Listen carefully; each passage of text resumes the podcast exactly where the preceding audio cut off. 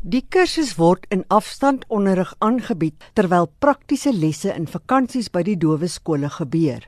Maar wat is gebaretaal? Dr Pieter Smal, hoof van die Ontwikkelingsinstituut vir Dowes en Blindes, vertel. Gebaretaal is 'n visuele taal wat konsepte uitbeeld. Vir 'n dowe in Kaapstad is 'n berg 'n plat oppervlakte want hy gaan dink in Tafelberg. So hy gaan met sy twee hande gaan hy die tafel maak en dan gaan hy dit skerp afvat om die kraanse en die goedes te lê.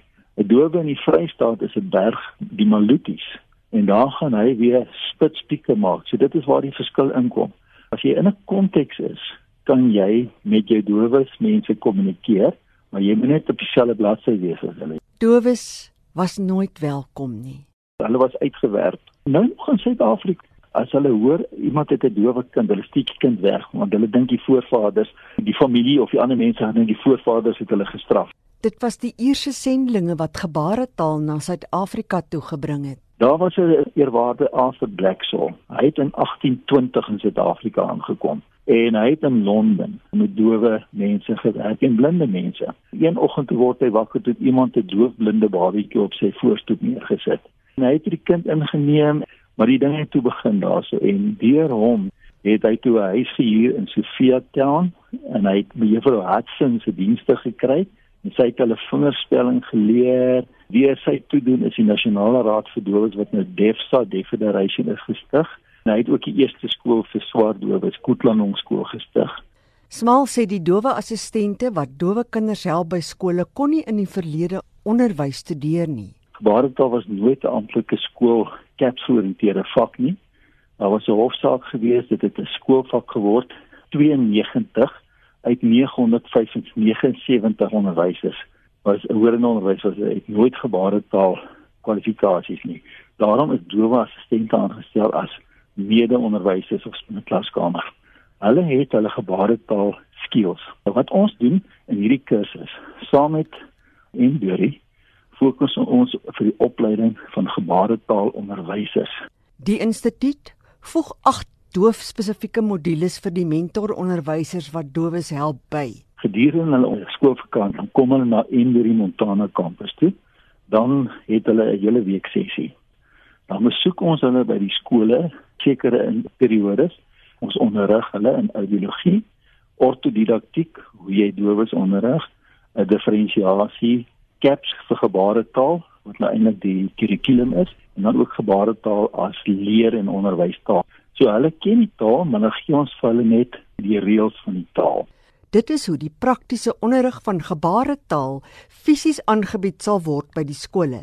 Die regering is in die proses om gebaretaal as 'n amptelike taal te erken. Dit is klaar deur die parlementêre komitee uh, goedgekeur. Ek dink die konstitusie moet nog verander ensovoorts en dan word dit 12de amptelike taal. Suid-Afrika is nie gerad om die wêreld toeganklik te maak vir gebaretaal nie. Daar's nie genoeg tolke nie. Maar as dit die geval is, moet ons meer mense kry wat gebaretaal kan leer by die skole vir dowes waar hulle is in oor die hele Suid-Afrika. As deel van hulle kurrikulum moet hulle gebaretaal beginnerskursus aanbied vir horende mense. Die studente word geëvalueer oor hoe goed die horendes na opleiding gebaretaal praat. Die horende mense moet betaal vir die kursus wat nie baie gaan wees nie en dan kan die dowe assistente weer die geld gebruik om vir hulle kursusse te betaal. So is eintlik 'n wen-wen situasie. Dowe mense kan nou vir die eerste keer onderwysers word.